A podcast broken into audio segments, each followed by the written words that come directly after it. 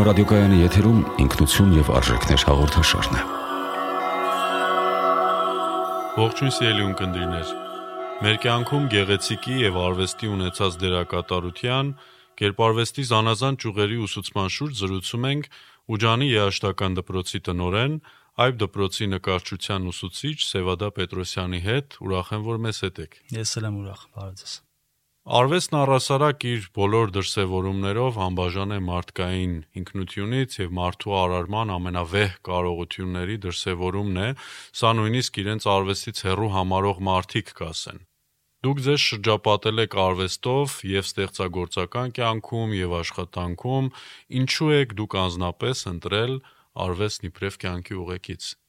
Իմ պարագայում այդքան էլ ինձնից կախված չի եղել, այսինքն ծնողներիս միջամտությունը կար Չնայած տաղանդը հայտնաբերել են իմ մեջ եւ զարգացրել են։ Տաղանդը եթե կա, եթե նկատվում է, պիտի աճեցնել ինչպես բուսականության մեջ, բնության մեջ սերմն է, աճեցնում, մշակում, միջավայրն է նպաստել, որ ես սիրեմ մշակույթը, արվեստը, նկարչությունը։ Գեղեցիկի ընկալումը, գեղեցիկի խորհուրդը հասկանալը, դա հավասար է կյանքի խորհուրդը հասկանալուն։ Փիլիսոփաները, հին աշխարհի մտածողները փորձել են ըմբռնել գեղեցիկի խորհուրդը եւ Բոլորն էլ տարբեր եզրահանգումների են եկել։ Օրինակ Հերակլիտեսը գտնում էր, որ գեղեցիկը չի կարելի հաշվարկել, չի կարելի ինչ որ բանաձևեր տալ, այլ պիտի ընկալել հայեցողությամբ։ Ներհայեցողական process է պետք, որպեսզի գեղեցիկը ըմբռնես, որովհետև նա ամբողջ տիեզերքը, ամբողջ աշխարհը համեմատում էր կրակի հետ, իսկ կրակը ամեն վարքյան փոփոխվող, ամեն վարքյան նորացող, ամեն վարքյան իր հետևից մոխիրներ թողնող մի տարերք է։ Այդ առումով նմանություններ եմ տեսնում քրիստոնեական հայրերի ուսմունքի հետ, օրինակ Դիոնիսիոս Արեսպագացին ասում է, որ տեսնում ես գեղեցիկ առարկա կամ գեղեցիկ իր գեղեցիկ մարդ, թող ասում միտքդ կտրվի այդ առարկայական գեղեցկությունից եւ թող միտքդ բարձրանա դեպի այդ գեղեցիկի արարիչը եւ այնտեղ լուրջ փառավորի այդ գեղեցիկը ստեղծողին։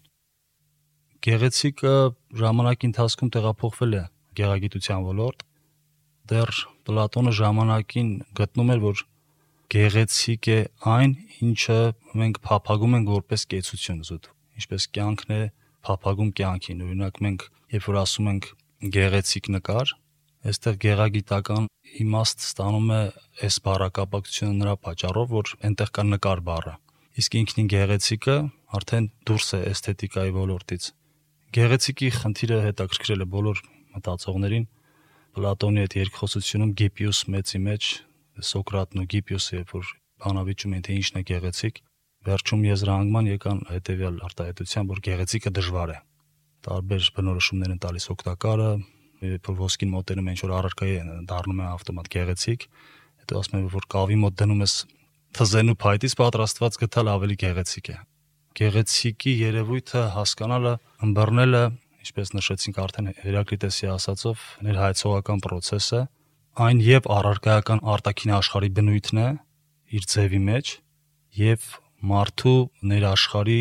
շնորհիվ ընկալվող երևույթ է այսինքն ընկալվում է անմիջականորեն գեղեցիկը բայց մարդու ներաշխարի հարստացման զուգընթաց ավելի խորությամբ է հասկացվում ավելի խորությամբ է ընկալվում այդ առումով շատ մեծ խորհուրդ ունի գեղեցիկը մարդու կյանքում գեղեցիկի ֆենոմենը մարդու կյանքում մարդիկ գիտակցելով կամ չգիտակցելով հաղձում են կամ փափագում են ինչ որ բաներ։ Օրինակ Միշնադարյան մտածողներից մեկը այսպեսի մետարքիր բան է ասում. ճշմարտությունը եւ բարիքը, օրինակ, կարող են փափագելի չլինել կամ կարող են հաճելի չլինել։ Կարող է ճշմարտության լույսը բացահայտվի եւ մարդը չդիմանա այդ լույսին կամ պատրաստ չլինի դրան, բայց գեղեցիկը փափագելի է գեղեցիկը այն խորհուրդն է, որը կազմում հենց այն տիեզերքի կառուցվածքը, որը դրել է արարիչը։ Գեղեցիկի ֆենոմենը գեղեցիկ օրինաչափությունները դրված են արարչության մեջ։ Օրինակ Ֆիբոնաչիի թվերի հաջորդականությունը ինչ է, եթե ոչ ամբողջ արարչության մեջ մի ձեռագրի բացահայտում, Աստծո մատնահետքի բացահայտում։ Այդ բարույրի հանգամանքը, որ ամեն տեղ կա, խխունջից միջև գալակտիկաներ կամ ֆրակտալների տեսությունը, որ ցույց է տալիս ամբողջ տիեզերքը միասնական է որ ամենտեղ կան նմանություններ մարդու ձեռքից սկսած միջև ծառի ճյուղեր, երակներ, կայծակներ Բան կարծում տեղին է հիշել Վերմեսրոպի միեղինության սկզբունքը հոդվածը կարծում եմ գիտեք հարգելի Վարդան։ Այդտեղ ասում է որ միեղինության սկզբունք է դրված արարչության մեջ։ Այդ հոդվածը սկսում է ավետարանից մեջբերումով, որպեսի մի լինեն հայր, ինչպես ես եւ դու մի ենք։ Ուրեմն եկանք հասանք այն կետին, որ գեղեցիկի խորհուրդը դրված է որպես արարչի սիրո դրսևորում մարդկության հանդեպ, իր արարչության հանդեպ եւ կատարյալ Աստծո ստեղծագործությունը չէր կարող լինել ոչ գեղեցիկ։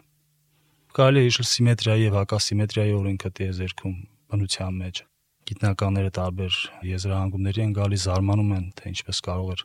ստեղծվել այդ սիմետրիայի հետաքրքիր հանգամանքը օրինակ մարդու աջ եւ ցախ կողմերը ձեռքերը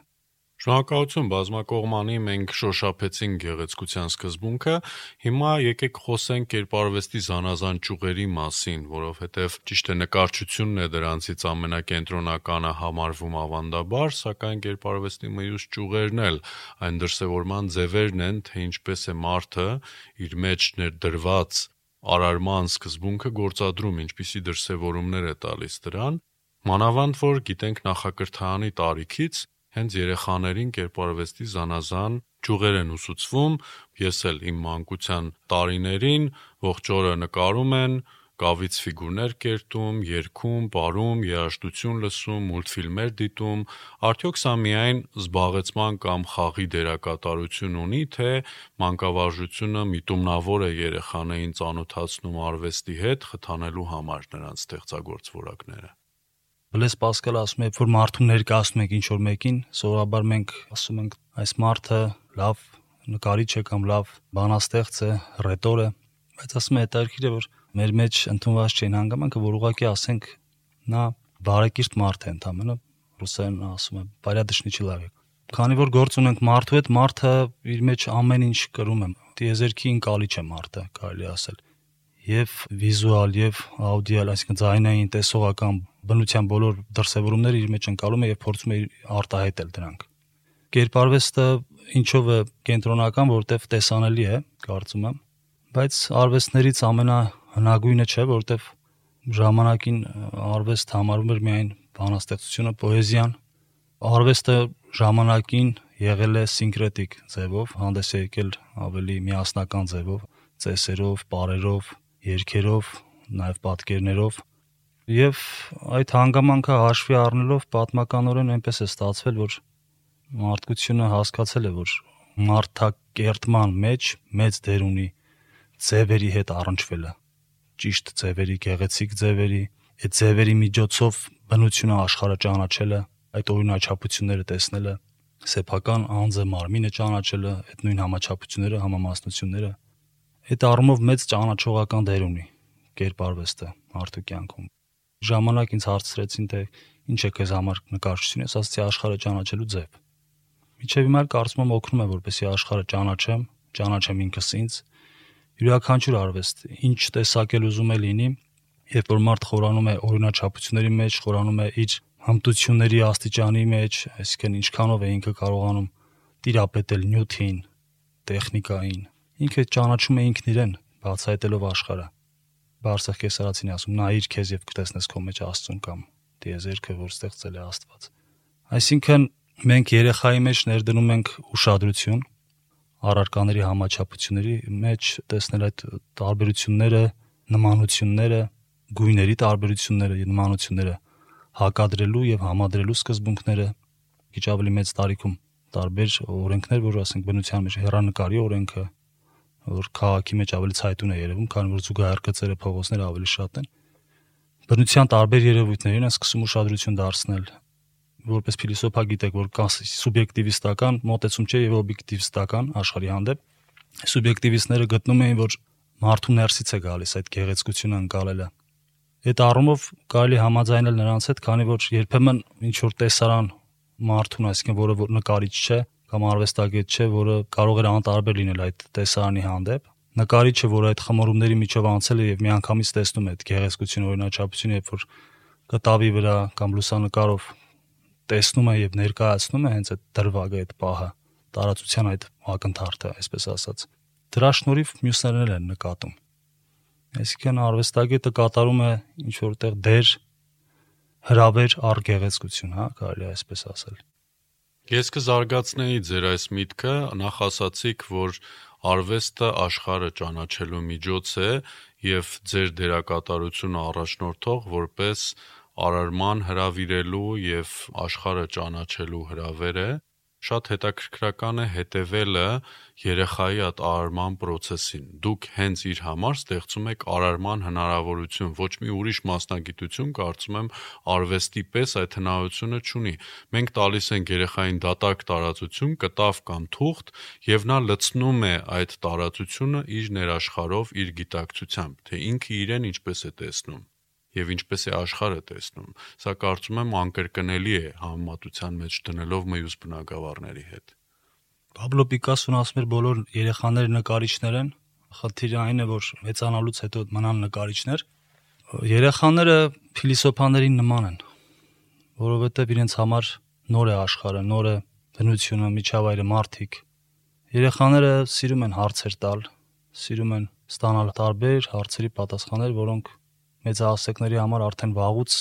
པարզ են կամ ճակերտների մեջ པարզ են։ Նույն ձև փիլիսոփաներն են։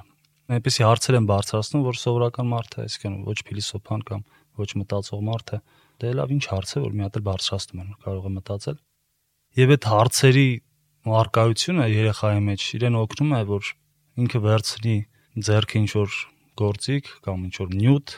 եւ փորձի իր հետքը թողնել մակերեսի վրա, պատերի վրա, հատակին, հողի մեջ, ավազների միջոցով ինչ որ բաներ պատրաստել։ Մենք մեր մանկությունից կարող ենք հիշել, թե մեր պատրաստած փոքրիկ բաների մեջ մենք ինչքան տիեզերք ենք ներդնում եւ մեր համար ինչքան մեծ էր դա։ Այսինքն ինքը փոքրիկ մի լեգոյ է կամ ավազ է ինչ որ տնակ է, բայց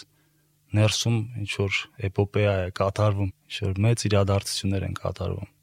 Եվ ինչն է նկարչության գրավչությունը անմիջապես երևում է քո արածը։ Եվ ինչն է հետարքի նաև դիպվածի հանգամանքը, որ կա նկարչության մեջ, որ նույնիսկ պրոֆեսիոնալ արվեստագետների մոտ դիպվածի հանգամանքը շատ ակտուալ է, բայց այդ դիպվածը դառնում է քիչ-քիչ ավելի կառավարելի։ Այսինքն դու մաթեմատիկական ճշգրտությամբ չես անում ինչ որ բաներ, այլ ներքին ոգեշնչվածությունը դրան օգնում որպես ինչ որ բան նորովի մատուցվի, նորովի ի հայտ գա։ Հենց այդ պատահականությունը դիպվածը որը նաև պատճառում է զարմանք։ Իսկ այդ զարմանքն էլ արդեն նորից խթան է հանդիսանում, որպեսզի մարդը իրեն ճանաչի, մարդը նորից փորձի իրեն բացահայտել, միգուցե ինչ որ ուրիշ զարմանալու բաներ լինեն։ Կարծում եմ, այս մեխանիզմներն են աշխատում երեխայի ստեղծագործական process-ի մեջ կամ կատարողական process-ի մեջ։ Կերպարվեստի միջոցով մենք նաև պոզիտիվ արժեքներ ենք փոխանցում, որոնք պետք են գալու դպրոցում, հասուն տարիքում, հասուն կյանքում սովորեցնում ենք թե ինչպիսի նրանք պետք է մեծանան, ինչ նպատակներ ունենան կյանքում, ինչն է ճիշտ կամ սխալ, ինչ խոսք նաև ազգային ոգի եւ ինքնություն էլ է փոխանցվում կերպարվեստի միջոցով, եթե խոսենք դեկորատիվ արվեստի մասին, նկարչական, երաժշտական եւ այլն մի ողջ աստղաբույլ կա այդտեղ օրինակ Հակոբ Հակոբյանը մեր ժամանակակից հայտնի նկարիչներից հենց խոսում էր այդ շեշտադրության մասին հայկական կերպարվեստում որ այո Մենք ուժեղ ենք դեկորատիվ, երաժշտական եւ նկարչական արվեստում գորգագործություն, խաչքարագործություն, նկարչություն եւ այլն, հայկական գույներ, հայկական երաժշտական գործիքներ, հայկական ավանդույթներ։ 20-րդ դարաշրջին, երբ որ խորհրդայնացվեց Հայաստանը, միանգամից ձեռնամուխ եղան մշակույթի տարբեր ոլորտների զարգացմանը եւ ամբողջ մտավորականությունը փորձեց ներկայացնել Հայաստանը, հայոց ազգը որպես մեծ ազգ, որպես խորը մշակութապես զարգացած ազգ։ Իհարկե մեր դարավոր պատմությունը տարբեր արտեֆակտներ է մեզ փոխանցում ժառապատկերներից սկսած, նույն գորգագործությունից, փայտամշակումից, կավագործությունից։ Իհարկե գեղանկարչության մեջ մի քիչ հետ մնացին, քանի որ տնտեսապես ավելի զարգացած չենք, ինչպես արևմուտքը, բայց ասենք պոեզիայի մեջ Նարեկացին Դանթեից առաջ ընկավ, կարելի ասել։ Գեղարվեստական կրթության մեջ անբաժան են այս ամեն ինչի ճանաչողությունը, եւ որը քեզ դարձնում է այդ ավանդույթի շարունակող, եթե դու քեզ գիտակցաբար դնում ես դրա մեջ։ Այսօր աշխարհը շատ բազմազան է, այսօր ապրում ենք պոստմոդեռնի դարաշրջանում կամ մետամոդեռնի դարաշրջանում, հա։ Ամեն ինչ խառնված է, ամեն ինչ ժամանակները նույնիսկ ժամանակները փորձում են միաձուլել տարածությունները, պատկերները, կերպարները տարբեր գեղարվեստական հերոսներին։ Բայց եթե այդ ամեն ինչը ճունենա առանցք, ճունենա ինչ որ հիմք, ամուր հիմք, չի կարող արժեք տալ, չի կարող երկար հարատևել, որովհետև կան ամեն դեպքում արխետիպային արժեքներ, օրինակ, չգիտեմ, էպոսը մեր, նույնիսկ Աստվածաշունչը մեր գրերը, մագաղաթները, այնպիսի արժեքները, որոնց վրա պիտի խարսխվել, դրանց վրա պիտի հենվել։ Մեր եկեղեցիների զարթականդակները, զարթանախշերը, այդ առումով մեր Երևանի ճարտարապետությունը հենց Թամանյանը այդպես էլ նախագծեց, չէ՞։ Հնի եւ նորի միաձուլում։ Հենց դա է ճշմարիտ արվեստը, այսինքն ժամանակի մեջ նորի ի հայտ գալու հանգամանք, որը խիստ կապված է անցյալի արժեքների հետ, խիստ հավատարիմ է անցյալի արժեքներին։ Իհարկե տարբեր արվեստագետներ 20-րդ դարում փորձեցին հաղթահարել տարբեր տեսակի գաղափարներ, ձև բովանդակություն կռիվներ գնում ժամանակին, իսկ արվեստ արվեստի համար միայն տարբեր տեսություններ, տարբեր գաղափարներ են ի հայտ եկել, բայց ամեն դեպքում կենտրոնում էլի արվեստագետն է իր մտածող տեսակով, կենտրոնում էլի հայեցող մարդն է, տեսանող մարդն է, որը թեկուս փորձելով հաղթահարել դա, ստեղծում է նոր մտածողություն, փորձելով հակադրվել ինչ որ բանի, բայց ոչ քանդելու կամ բնաջնջելու առումով, այլ նորը կերտելու առումով արվեստագետները դրա համար կենթանի էներգիաներ են, կենթանի ֆենոմեններ են, այն առումով օրինակ բարձակ ասում է դու ուղակի կապկող չես, հա, նմանակող չես, դու բանաստեղծ ես։ Դու ուզում ես գիպսի մեջ ձուլիր ձեռքը ինչ որ մեկի, բայց քանդագործը ծռմռելով այնպես կարող է նույնիսկ ձևա խախտումներով մատուցել, որ ավելի ճանաչելի լինի, ավելի ազդեցիկ լինի։ Արժեքները, այո, անխոս կարող են փոխանցվել կերպարվեստի միջոցով։ Մարդը այնպիսի էակ է, որ տեսնելով ձևավորվում է, տեսնելով զարգանում է, տեսնելով զարմանում է գրքի նկարազարդումներից սկսած, երբ որ մարդը կարդում է տեքստը եւ տեսնում է այնտեղ պատկեր։ Գտնված պատկերը դաստիարակում է մարդուն։ Ես իմ փորձից կարող եմ ասել, փոքր ժամանակ շատ հետաքրքիր գրքեր են հանդիպել, որոնք իրոք դաստիարակում են մարդուն։ Պատկերը ունի այդ ուժը։ Մարդուն հիշեցնելու իր ով լինել իր տեսակը, իր հավերժական, արարչական լինելը, որը հանդիսանում է իր ինքնությունը։ Ինքնության խորհուրդը հասկանալը պիտի համընդհանուր եղանակով փնտրել։ Համընդհանուր ասված այստեղ դիեզերքի կամ մարդուս դուրս ինչ որտեղ ուժի, ինչպես կասեն փիլիսոփաները կամ աթեիստները, մարդուս դուրս ինչ որ ուժ, քրիստոնյաները կասեն արարիչ, Աստված, Սուրբ Երրորդություն եւ եզրափակեմ այն Աստվածաշնչյան դրվագով, որ Աստված մարդուն ստեղծեց իր պատկերով եւ նմանությամբ, իսկ պատկեր ու նմանության մեջ մտնում է արարելու կարողությունը, ստեղծելու կարողությունը։ Արվեստի հայտ գալու գիտական հիմնավորումներից մեկն էլ հենց ինքնարտահայտման պահանջն է, երբ մարդ իր հոգում ծնվող հույզերն ու պատկերները ցանկանում է ինչ որ ձևով Երևան բերել, իհարկե եթե իր սեփական ներաշխարհը բավականին հարուստ է այդպիսի պատկերներ ծնելու համար, բայց նաև գիտենք, որ լարվածության, բացասական լիցքերի պարպման ու հոգեբանական թերապիայի ապացուցված միջոց է կերպարվեստը։ Վստահ եմ այս բարերար ազդեցությունը նկատում եք ձեր սաների վարքում։ Երեխաները մի քիչ ավելի մեծ տարիքում մի քիչ քննադատաբար են մոտենում իրենք իրենց արածին։ Они արդեն չեն հավանում իրենց արածը, ավելի լավին են ձգտում։ Ձերքի ֆենոմենն է այստեղ շատ կարևոր։ Ձերքը որպես միջնորդ աշխարհը ճանաչելու։ Աչքով դու տեսնում ես առարկան, բայց աչքով չես կարողանում բոլոր չափումները անել, բոլոր հատկությունները նյութի փորձել ճանաչել։ Վրա օգնության է հասնում ձերքը ժամանակին ձերքերի մատները օգտագործեն հաշվելու մեջ, նույնիսկ որոշակի լեզու է եղել, չէ՞, միջև կա այդ ժեստերի լեզուն, ձերքերի լեզուն։ Ձերքը որպես միջնորդ, սա է կերպարվեստի մեջ կենտրոնական կարևորագույն, երբ ձերքի միջոցով կատարում ես շարժումներ, կատարում ես որոշակի գործողություններ մակերևույթի վրա, թղթի մակերևույթ, կտավի մակերևույթ եւ այն ինչ որ դու աչքով տեսնում ես ձերքի միջոցով տեղափոխում ես թղթի վրա, փորձում ես տեղափոխել։ Ձերքը կատարում է որոշակի շարժումներ։ Այդ ձերքի շարժումները հղկվում են ժամանակի ընթացքում։ Որոշակի փորձառության ձեռք բերելու հետ փոփոխվում է նաև գծի բնույթը, փոփոխվում է մակերեսի բնույթը, բայց նորից դառնալով նյութի հանգամանքին, թե նյութը ինչ դրսևորումներ կարող է ունենալ թղթի վրա, օրինակ ջրաներկը, օրինակ գուաշը, ածուխը, բոլորն էլ տարբեր տեսակի ֆակտուրաներ, տարբեր տեսակի հարթություններ են առաջացնում։ Եվ սա շատ հետաքրքիր է։ Միտեղ ջրալի ես վերցնում ներկը, միտեղ ավելի չոր, միտեղ արագ ես վրցինը սահեցնում թղթի վրա, միտեղ դանդաղ, մի տեսակ դողացող տարբեր են դրսևորումներ, օրինակ Ժանսեմի նկարները, եթե հիշում եք, ինչպեսի նյարդային գիծ կա այնտեղ դողացող, չէ։ Իսկ Էդգար Շայինի մոտ օրինակ նույն ֆրանսիահայ ավելի ճարպիկ գիծ է, ավելի ճկուն գիծ է։ Այս տարբերությունները հետաքրքիր աշխարհ են ստեղծում։ Այս ամեն ինչը փոքրիկ մի լաբորատորիա է դառնում թղթի մակերևույթի եւ այդ առումով է երեխայի համար հաճելի, երեխայի համար, ինչպես ասացիք, թերապևտիկ նշանակություն նաեւ կարող է ունենալ։ Ոչ միայն արվեստում, այլ աշխատանքի ցանկացած բնագավառում մարդիկ միշտ դրել են այդ հարցը,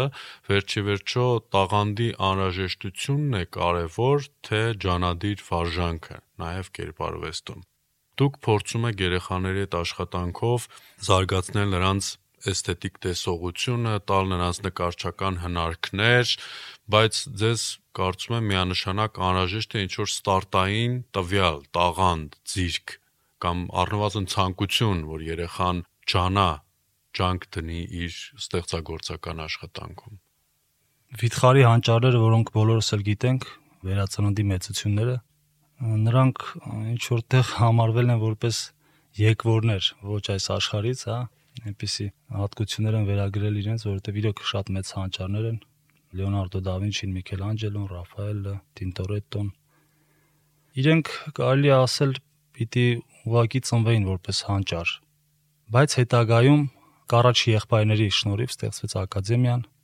եւ ակադեմիայում բոլորը արդեն կարող էին կրթություն ստանալ, այսինքն բոլորն էլ կարող էին իրենց մեջ բացահայտել գեղանկարչին, բոլորն էլ կարող էին նկարչական հմտություններին տիրապետել։ Եվ այդ ակադեմիայի ավանդույթը շարունակվում է մինչև այսօր։ Այսինքն միայն ընտրյալները չէր, որ պիտի զբաղվեին նկարչությամբ, այսինքն ինչ որ մեծ ու հանճարի արվեստանոց գնային, հա, ինչպես Միքելանջելոն էր գնում իր ուսուցչի արվեստանոց Վերոքյոյի։ Այսինքն այդ արվեստանոցային վարպետ աշակերտ երևույթը փոխանցվեց ակադեմիայով ուսումնական հաստատությամբ։ Ես գտնում եմ, որ կարելի է երեխային դարձնել հմուտ նկարիչ։ Բայց նաև այս հանգամանքը կա, որպես նկարչություն, որպես արհեստ, հա, արհեստի հանգամանքը երևույթը, որ դու այդ ծավալը ստանաս կամ նմանություն ստանաս մարդու արհեստավոր կարող են դառնալ բոլորը, բայց այն մեծություն մեծ նկարիչ այդպիսի տեսություն կա, որ միայն ծնվում են։ Ես համարում եմ, եթե մի քիչ ցանկություն լինի երեխայի մեջ, ես այդ համոզմանը եկել եմ, որ բոլորին էլ կարելի է դարձնել նկարիչ, չգիտեմ, էսթետիկան սիրող, առարկաների լույսուստվերը թղթի վրա փոխանցող առարկաների ծավալները, գույները, բոլորն էլ կարող են այդ առումով շատ լավ ավանդույթ է ձևավորվել նկարչական կրթության տարբեր մեթոդներով նկարչություն սովորեցնելու երևույթը։ Դուք նաև աշակերտական ստուգատեսների ու ցուցադրությունների առիթներ եք ստեղծում երեխաների համար, այլ կերպ արվեստում հնարավոր չէ։ Արարումը պետք է ցուցադրվի եւ լավ է, որ ցուցադրվում է հատկապես մանկական ձեռքի աշխատանքը նկարչության, կավագործության եւ շատ այլ կերպ արվեստի ճյուղերում։ Կխնդրեի կարճ դրա մասին էլ պատմեիք, թե ինչպիսի հոգեվիճակ է երեխաների մոտ, երբ իրենց առաջին նկարներն են ցուցադրվում, արդյոք հպարտանում են իրենց աշխատանքով թե ոչ։ Այո, այդ հպարտության զգացումը, այդ հաճելի տրամադրությունը առաջանում է փոքրերի մոտ։ Մանավանդ որ շրջանակի մեջ է դրվում նկարները։ Մեր փորձառությունից կարող ենք ասել, որ նկարները երբ որ հատակին դնում ես, որպեսի շրջանակի մեջ դնես այդ նոր փակցնես պատին, հատակի վրա կամ չգիտեմ, սեղանների վրա այդպես ամբողջությամբ չեն ընկալվում, իրենց գեղեցկությունը չի ընկալվում։ Երբ որ սպիտակ շրջանակի մեջ ես դնում, իրենց հմայքը ավելի է ազդեցիկ դառնում, ավելի գեղեցիկ են դառնում ավելի պրոֆեսիոնալ հետք է առաջանում նկարի վրա։ Պատկերացրեք երեխաները, երբ որ տեսնում են ցուցասրահում կախված իրենց նկարները փակցված, ավելի են ոգեշնչվում։ Իհարկե միջին տարիքում 8-րդ դասարանի աշակերտների մոտ նկատել եմ, 9-րդ դասարանի աշակերտների մոտ նկատել եմ, երբ որ իրենք չեն էլ ուզում իրենց նկարը որ փակցնես պատին։ Անկեր սևադա իմ նկարը խնդրում եմ չփակցնել պատին, բայց նկարը լավն է։ Ուղղակի իրենց փոփոխվող իրականությունը, իրենց փոփոխվող աշխարհը սկսում են իրենք դրա պատճառով քննադատաբար վերաբերվել իրենք իրենց, ավելի կատարելության են ձգտում, այսինքն շատ ավելի լավ բաների են ուզում ձգտել, որպեսզի բոլորը տեսնեն, էլի։ Եվ ոչ միայն երեխաներն են տեսնում, արդեն մեծահասակների աչքին էլ է հասու լինում երեխաների կատարվածը ծնողների աչքին։ Վստահ եմ ծնողները զարմանում են նաև թե իրենց երեխան ինչպես կարող էր նման բան նկարել։ Այո, նման դեպքեր շատ է պատահել։ Եվ երեխաներն էլ փորձում են նաև տեսնել այդ հիացմունքը իրենց ծնողի աչքերում, մեծերի աչքերում։ Շատ գեղեցիկ երևույթ է եւ օգտակար երևույթ է ցուցահանդեսները։ Բազմաթիվ խրախույսներ կան անվանի արվեստագետներից զբաղվելու արվեստով, հատկապես նկարչությամբ, օրինակ Ֆիսենտ Վան Գոգն ասում է, եթե ձեր ներսում մի ձայն ասում է, որ չեք կարող նկարել, ապա նկարեք ամեն գնով եւ այդ ձայնը կլռի։ Դուք իբրև ուսուցիչ, որ ունեք ողքեվորող եւ առաջնորդող դերակատարություն, հուշում եք երեխաների աշխատանքին զուգահեռ թե ինչ ուղի ընտրել, օգնում եք գտնել նրանց սեփական ուղին, ինչ ողքեվորող պատգամ կտակ մեր ունկնդիրներին։ Այդ դպրոցում ներդրված է տարբերակված ուսուցում երևույթը, հա։ Իսկ նկարության մեջ այլ կերպ հնարավոր չէ նկարչական կրթության մեջ։ Բոլորի հմտությունները տարբեր են, բոլորի գծերը տարբեր են, բոլորի ընկալումները տարբեր են աշակերտների մեջ։ Անհնար է առանց անհատական մոտեցման, տարբերակված ուսուցման անհնար է այդ կրթությունը իրագործել։ Եվ փորձառու ուսուցիչը պետք է փորձի մտնել ամեն աշակերտի ներաշխարը ամեն աշակերտի գծի վերջը տեսնել թե աշակերտը ինչն է սիրում առավել շատ այսինքն կերպարները սիրում բնություն է սիրում սիրում է մատիտով աշխատել թե սիրում է ջրալի ներկերով միայն աշխատել եւ ըստ դրա պիտի ընթացք տալ երեխային որ ինքը իրեն բացահայտի եւ առաջարկներ անել ընթացքում թե լավ կլիներ հիմա մի հատ ուրիշ նյութով փորձեիր այս մի առարկան անել ֆլոմաստերով, պաստելով, ածուխով Ուսուցիչը պետք է խորհուրդ տա, բայց չպետք է ստիպի։ Բայց երբեմն աշակերտները, երբ որ համառորեն չեն ուզում ուսուցչի խորհուրդը լսել, երբ որ մի փոքր ուսուցիչը ցույց է տալիս առանձին թղթի վրա թե ինչ տես կարող է ունենալ այդ խորհուրդը իրագործելը, հա, իրենք էլ են համոզվում։ Այդ հանգամանքն էլ կա, իսկ ողքեվորության առումով գեղեցիկ ինքը ներքին ողքեշնչվածության արկայությունը մարդու մեջ։ Պլատոնը ասում էր մարդը գեղեցկությունը տեսնելով կարծես վերհիշում է իր այն վիճակը, երբ որ կար մարմնից անկախ, հա, մարմնից դուրս որպես գաղափարների աշխարհում կամ էյդոսների աշխարհում։ Իսկ արվեստագետը այդ ոգեշնչվածությամբ համակված մարդն է։ Ոգեշնչում իր մեջ կրողն է, եւ վարակիչ է դա։ Երբ որ տեսնես մարդը ոգեշնչված ոգեշնչման է նայում աշխարհին, հիացումով է նայում աշխարհին, երեխաների մոտ չի կարող չառաջանալ սարսը լավ ինչ կա այստեղ որ կարելի է այսպես խանդավառվել ու կշնչվել շատ կարևոր է որպեսի ուսուցիչը ոգեշնչված լինի գեղեցիկով, կյանքով, արարչությամբ, արվեստով եւ անհնար է որ աշակերտները դա չտեսնեն, անհնար է չընդունեն դա եւ չդարձնեն իրենցը։ Շնորհակալ եմ զրույցի համար, նույնիսկ եթե վստահ չենք, որ բավարար տաղանդ ունենք կերպարվեստի որևէ ճյուղով զարգացում տալու մեր ստեղծագործական հակումներին, լավ կլինի, որպեսզի առնվազն շրջապատենք մեզ գեղեցիկով եւ արվեստով մեր կյանքում։ Մենք ձեզ հրաժեշտ ենք տալիս։ Մնացեք խաղաղությամբ։